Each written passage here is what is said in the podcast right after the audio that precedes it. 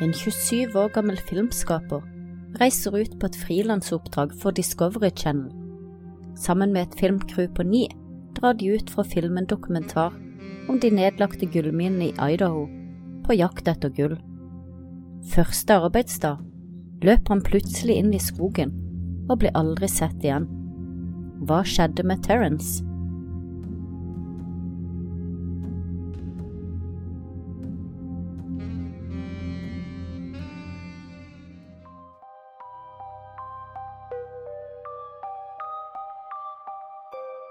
Deg godt til rette med noe godt i kroppen, og bli med inn i mord og mysteriers verden.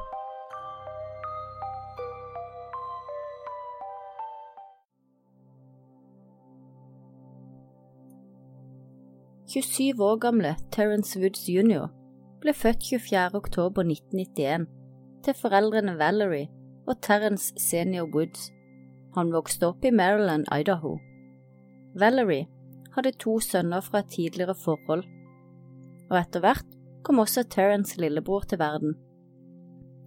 Faren hadde to døtre fra et tidligere forhold, så totalt var de en stor søskenflokk. Alle hadde et nært og godt forhold til hverandre. Som ung var Terence en aktiv gutt som elsket å utforske verden. Han var svært kreativ og bestemte seg tidlig for å gjøre det stort som filmskaper. Han studerte ved universitetet i Maryland og dro etter uteksamineringen til England og det internasjonale amerikanske universitetet i London, hvor han studerte journalistikk. Terrence ble uteksaminert i 2013, og de neste årene bodde og arbeidet han i London, før han i 2018 returnerte tilbake til USA. Han savnet familien og ønsket å bo nærmere dem. Terence var en bereist mann som hadde vært jorden rundt i sitt arbeid som filmprodusent, til alle slags steder, i alle slags vær. I en periode arbeidet han også i produksjonsteamet på The Voice i England. Av familie og venner beskrives han som en kjekk, smart, kreativ, målbevisst, snill, morsom og omsorgsfull mann. Den 4. oktober 2018 gjør Terren seg klar for å reise på nok et jobboppdrag. Som produksjonsassistent basert i Maryland hadde han blitt hentet inn for å hjelpe til med innspillingen av en dokumentar om de nedlagte gullminene Pinman Mine i nærheten av spøkelsesbyen Oro Grande i Idaho. Dokumentaren var til Discovery Channel sitt TV-show Whitewater. Før han reiser, snakker han med sin søster, og alt er som normalt. Terence skal være borte i seks uker og gir sin søster en klem, før han drar av gårde i sine sorte cargobukser og lysebrune T-skjorte. Faren kjører han til flyplassen og tar farvel med sin sønn. Terence fortalte ikke så mye om oppdraget han skulle på, så familien visste ikke hvem han skulle arbeide sammen med. Sent om kvelden den 4. oktober møtes filmcrewet på lokasjonen hvor de skal bo de neste seks ukene. Om kvelden er de ute og spiser middag på en lokal restaurant. Stemningen er god, og Terence kommer i snakk med en kvinne som han utveksler telefonnummer med. Halv ni neste morgen, den 5. oktober, setter seg på ATV-ene og starter turen opp mot Pineman-området, hvor de begynner innspillingen. Terence arbeider sammen med et team på ni personer, samt to lokale guider som skal hjelpe til med å finne fram til gullminene på en trygg måte. Da klokken ble halv fem om ettermiddagen, var Terence og teamet ferdig med å filme. Det var vått og kaldt ute, med sludd i luften. Crewet gikk i gang med å pakke sammen tingene sine. Filmcrewet hadde lagt merke til at Terence hadde vært uvanlig stille de siste timene og virket veldig distré. En av kollegaene så Terence gå bort og prate med en av de lokale guidene som var med på innspillingen. Terence hadde sagt til guiden at han måtte gå og tisse. Kollegaen Simon ser da at Terence går mot kanten av stupet. Simon setter nøkkelen i bilen, og når han ser opp igjen, er Terence borte og walkietalkien hans ligger igjen på bakken der han nettopp hadde stått. Kollegaen tenker umiddelbart at Terence har falt over kanten og løper bort for å se etter han. Men når kollegaen kommer til kanten, ser han Terence løpende nedover den bratte bakken. Han beskriver at Terence løp like fort som en hare, og at han aldri har sett noen løpe så raskt før. Kollegaen ber de andre sette seg i bilen og kjøre ut mot hovedveien, mens han selv løper nedover bakken og etter Terence mens han roper etter han. Men Terence bare fortsetter å løpe innover mot skogen, og kollegaen, som også har bakgrunn som redningsarbeider, stanser å løpe etter ham for å ikke skremme han enda mer. Bakken Terence løp ned, har en helning på 70 grader, og for kollegaen er det uforståelig at han kunne løpe så fort ned en så bratt bakke uten å falle. Først trodde de at Terence spøkte med dem, men da de ikke kunne finne Terence noen sted, gikk de til nærmeste hus og kontaktet politiet. Det var da nesten en time siden Terence hadde begynt å løpe. Det var allerede begynt å bli både mørkt og kaldt, og de kunne ikke forstå hvor Terence hadde blitt av, eller hvorfor han hadde løpt av gårde på det viset. En av de lokale foreslo at han kanskje hadde løpt igjennom skogen og kommet ut på andre siden og opp på hovedveien, så teamet kjørte ned for å lete nok en gang, men det var ingen tegn til Terence noe sted. Klokken var ti over halv seks om kvelden da politiet fikk telefon om at Terence hadde forsvunnet og vært savnet i en time. Siden omstendighetene var spesielle, satte politiet straks i gang en leteaksjon, men denne ble avsluttet på natten da været ga dem vanskelige leteforhold. Terrence hadde ingen forhistorie med mentale problemer, rus eller andre episoder som kunne gi noen forklaring på hva som hadde skjedd. Det var helt uforståelig for familie og venner at han forsvant på denne måten. Neste dag satte politiet i gang en stor leteaksjon. Det ble letet til fots, med hunder og helikopter med varmesøkende kamera. Men det var ingen tegn til Terrens noe sted, og etter en uke ble leteaksjonen avsluttet fra politiets side. Planen var at Terence skulle være på lokasjonen og filme i seks uker fram til midten av november. Første kvelden, da Terence ankom, hadde han sendt meldinger til sin far om at han var kommet fram og at alt sto bra til. Men samme natten, bare noen timer senere, hadde Terence sendt meldinger til sin far, hvor han fortalte at han bare kom til å være der i fem dager og fly hjem igjen den 10. oktober. Videre fortalte han at dette var avklart med oppdragsgiveren Rå TV, som hadde gått med på å kjøpe ny billett slik at han kunne fly hjem tidligere.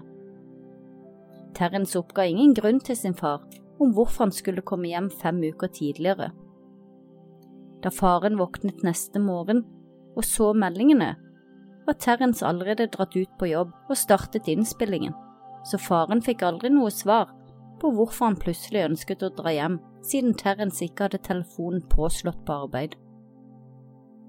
I ettertid har det kommet frem at Terence sin mor Valerie skulle legges inn på sykehuset den 11. oktober og gjennomføre en enkel operasjon. Hun hadde pratet med Terence på telefon om dette, men sagt til ham at det ikke var noe han tenkte å bekymre seg for. Kan det likevel være dette som var årsaken til at Terence plutselig endret planen og skulle reise hjem igjen 10. oktober. Men hvis det var grunnen, hvorfor løp han da plutselig av gårde ned en bratt bakke og innover i skogen, for så å forsvinne?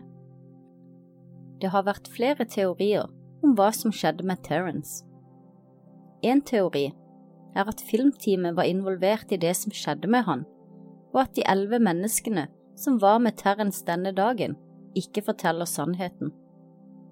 Det gikk kort tid fra Terrence hevdet forsvunnet til politiet ble kontaktet, og ingen spor har siden blitt funnet etter Terrence.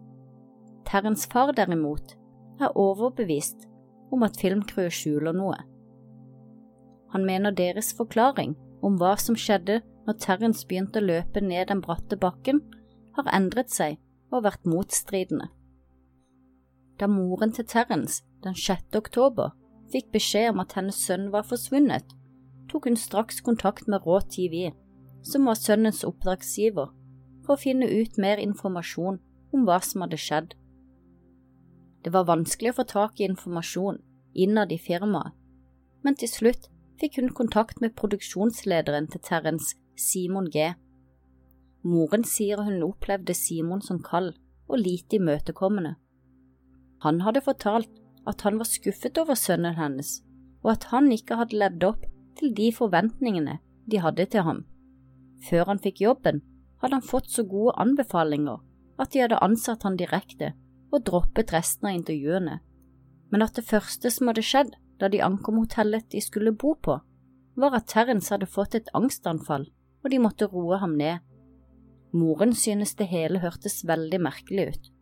Hun spurte om Simon visste hva som hadde skjedd med Terence, og hvorfor han hadde løpt av gårde. Simon hadde ingen klare svar, annet enn at Terence slet mentalt. Det var disse uttalelsene og det Valerie opplevde som ufølsomhet fra Simon, som ga grobunn for mistankene om at filmcrewet skjuler noe. Da foreldrene forsøkte å arrangere et møte med filmcrewet og politiet, ankom de stasjonen bare for å bli fortalt at alle hadde dratt før de kom. Alle bortsett fra Simon G. Simon hadde ikke noe nytt å fortelle enn det han allerede hadde fortalt. Terrence løp over kanten, ned bakken og inn i skogen, og siden har ingen sett ham. Noen dager senere fikk foreldrene likevel anledning til å prate med noen av de andre medlemmene fra filmcrewet. Først fortalte flere av dem at Terrence hadde hatt et angstanfall om morgenen før de dro ut for å filme, og at de måtte bruke tid på å roe ham ned. Men plutselig så snudde de og sa at de ikke hadde sagt at han hadde fått et angstanfall eller måtte holdes fast. Moren reagerte på at de sa hold fast, da de tidligere hadde sagt ro ned. Da hun konfronterte dem med dette, sa de at de aldri hadde sagt holde fast, kun roe ned. Nå hevdet de at Terrence hadde virket nervøs om morgenen og hadde stilt spørsmål til de andre om bjørner og ville dyr i området. Crewet brukte igjen tiden på å roe ned Terrence og betrygge ham med at de hadde tatt alle forhåndsregler om de skulle bli angrepet. Men hvis Terrence var redd for ville dyr, hvorfor løp han da alene inn i skogen rett før mørket inntraff? Og hvorfor endret plutselig filmcrewet på historien om Terrens påståtte angstanfall? Foreldrene fikk etter hvert hentet ut politirapporten og en utskrift av nødsamtalen som ble gjort da Terrens ble meldt savnet. Til foreldrenes overraskelse oppdaget de at Simon hadde nevnt til politiet at Terrence hadde hatt et mentalt sammenbrudd før han forsvant, og slik han først også hadde hevdet til dem. Foreldrene viste det for politiet, men de mente det ikke var noen grunn til å etterforske det videre. Igjen ble foreldrenes mistanker forsterket om at filmcrewet holdt noe skjult for dem. Familien leide inn privatetterforsker for å prøve å finne ut mer informasjon, men de har ennå ikke klart å finne spor etter Terrence eller bevis for at kollegaene skjuler noe. Det synes heller ikke å være noe godt motiv for denne teorien, annet enn at de var til stede da Terrence løp av gårde. Moren har teorisert om at Terrence kanskje var redd for en av de han arbeidet sammen med, og at det var grunnen til at han ville reise hjem fra arbeidet bare fem dager etter oppstart. Eller at sønnen så noe han ikke skulle se, og ble redd. Men politiet har ikke klart å finne noen indikasjoner på at det har skjedd noe kriminelt med Terrence. For foreldrene er det hele uforståelig slik de kjenner sin sønn. Deres sønn, som har reist over hele verden på mange og lange oppdrag, har aldri før kommet hjem fra en tur før tiden, og han har aldri vært i trøbbel. Noen må vite noe, er deres mantra. Foreldrene har også gått ut og beskyldt det lokale politiet for å være rasistiske og korrupte, og at de ikke tar sønnens sak på alvor. Politiet har avvist dette og sier de arbeider med saken så godt de kan, og at de håper Terrence en dag blir funnet, men at de på nåværende tidspunkt ikke har noen nye ledetråder å gå etter, og at det ikke finnes noen bevis for at Terrence forsvant ufrivillig. En av de lokale guidene som hjalp filmcrewet, en kvinne, har også bekreftet Simon G sin versjon av hva som skjedde da Terrens forsvant, at han plutselig løp ned den bratte bakken og inn i skogen.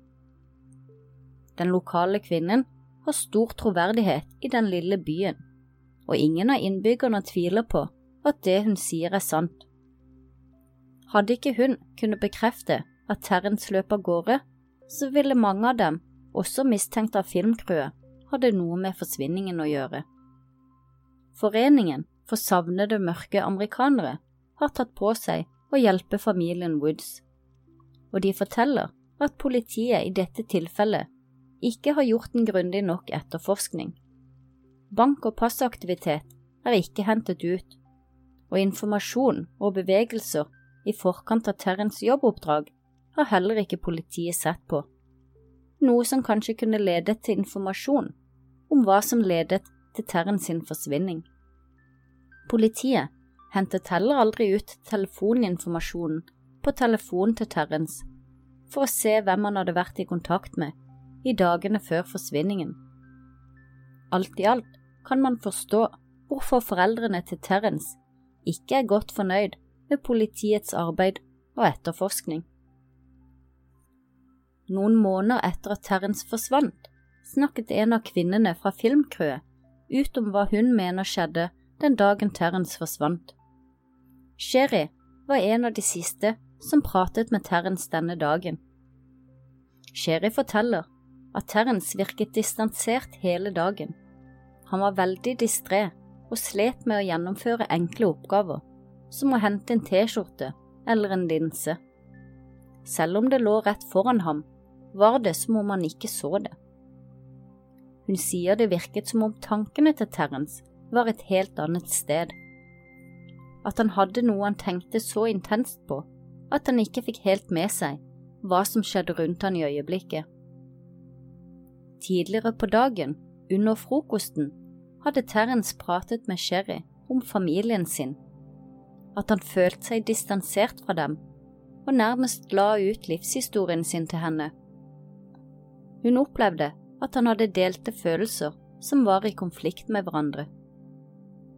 Sherry sier hun er overbevist om at Terence planla sin egen flukt, og at han visste hva han kom til å gjøre da dagen var over.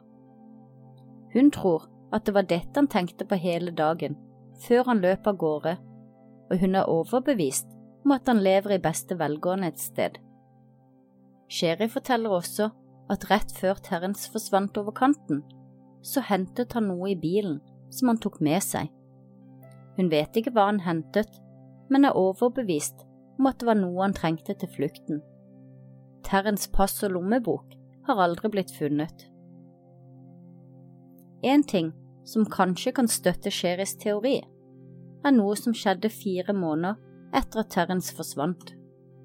En av hans aller beste venninner fra London hadde en gruppesamtale i WhatsApp med sin venninne Terence, som hadde stått urørt siden dagen han forsvant. Men plutselig en dag, i februar 2019, kom det opp en varsling i WhatsApp om at Terence hadde forlatt gruppen.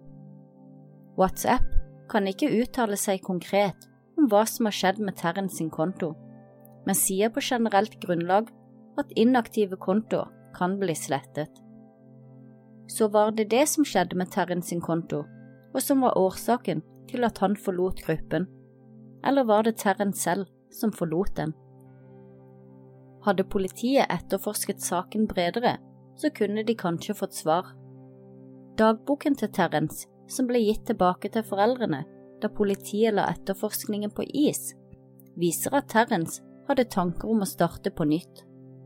Et sted i dagboken hadde han skrevet med store blå bokstaver og to streker under The Great Reset, som betyr å starte med blanke ark. Dagboken viser også at Terrence hadde begynt å mistrives i London og bransjen han hadde valgt. Han virket å være veldig negativ til den overflatiske livsstilen som kjendis-, film- og medielivet bringer. Det kommer også frem i dagboken at familien har sine problemer og utfordringer som går inn på Terrence. Mye kan tyde på at Terrence hadde mange tanker om livet i perioden før han forsvant, og at han kanskje var på vei inn i en depresjon allerede før han flyttet tilbake til USA. En annen teori har vært om Terrence ble rammet av høydefenomenet, et fenomen som gir noen mennesker en plutselig trang til å hoppe utfor broer eller klipper. Kan det være at Terrence ble rammet av dette fenomenet denne dagen? At tankene tok overhånd, og det var derfor han ble stillere og stillere utover dagen, før tankene ble så overveldende at han løp av gårde? Hvorfor sa han at han skulle gå og tisse, og hvorfor gikk han rolig mot kanten? Og hvorfor stoppet han ikke når han kom til bunnen? Det er mye som tyder på at det ikke var høydefenomenet han ble rammet av, men man vet jo aldri. Den mest populære teorien er at Terence fikk et mentalt sammenbrudd, og at det fikk ham til å løpe av gårde. Kollegaene hadde også tidlig antydet dette, og også nevnt at Terence hadde angstanfall og måtte roes ned. Men faren til Terence er helt overbevist om at sønnen ikke fikk et mentalt sammenbrudd. Terence hadde aldri tidligere hatt noen mentale lidelser, ingen angst eller uro. Det hadde aldri vært noe problem med Terrence de 27 årene han hadde levd. Faren har i nyere tid vært mer åpen for at Terence kanskje ikke var åpen om alle tankene sine. Mye kan tyde på at Terence var deprimert og tenkte veldig mye på betydningen med livet, familie og framtid. Det har skjedd før at mennesker som aldri før har hatt mentale problemer, plutselig får et sammenbrudd eller en psykose, og de gjør ting som er uforståelig for de som kjenner dem. Jeg tenker at sannsynligheten er stor for at Terence opplevde et eller annet psykologisk fenomen denne dagen, som fikk han til å løpe av gårde og forsvinne på mystisk vis. Stedet hvor Terence forsvant, er omringet av høye fjell og mange gamle miner. Disse minene har alle flere sjakter og luftehull. Mange av disse hullene har ikke blitt støpt igjen, ettersom minene har blitt lagt ned og er bare blitt gjengrodd med vegetasjon. Kanskje ramlet Terence ned i et slikt hull på sin ferd innover i skogen, og derfor var han ikke synlig for helikopterets varmekamera og letemannskap. Det er helt klart en mulighet for at det var dette som skjedde. Politiets teori er den samme som Sherry, at Terence fingerte sin egen forsvinning med viten og vilje, og de tror ikke at Terence hadde et mentalt sammenbrudd. De tror at han ønsket å starte på nytt, at han flyktet gjennom skogen og ble plukket opp på hovedveien av en bil og kjørt til et sted hvor han nå har startet sitt nye liv. Politiet sier at de ikke vil starte en ny etterforskning Unntakene skulle komme nye sterke spor i saken som kan føre dem i en annen retning, og at alle bevis og vitnebeskrivelser til nå viser at Terrence forsvant på egen hånd av egen fri vilje. Politiet tviler på at de noen gang vil få svar på hva som skjedde med Terrence. Tilbake sitter familie og venner, dypt fortvilet, forvirret og med et stort savn. Familien får ikke fred før de finner ut helt sikkert hva som skjedde med deres sønn Terence, og de vil fortsette å lete og kjempe til den dagen de får svar. Hva tror du skjedde med Terence, og tror du vi noen gang vil finne svaret?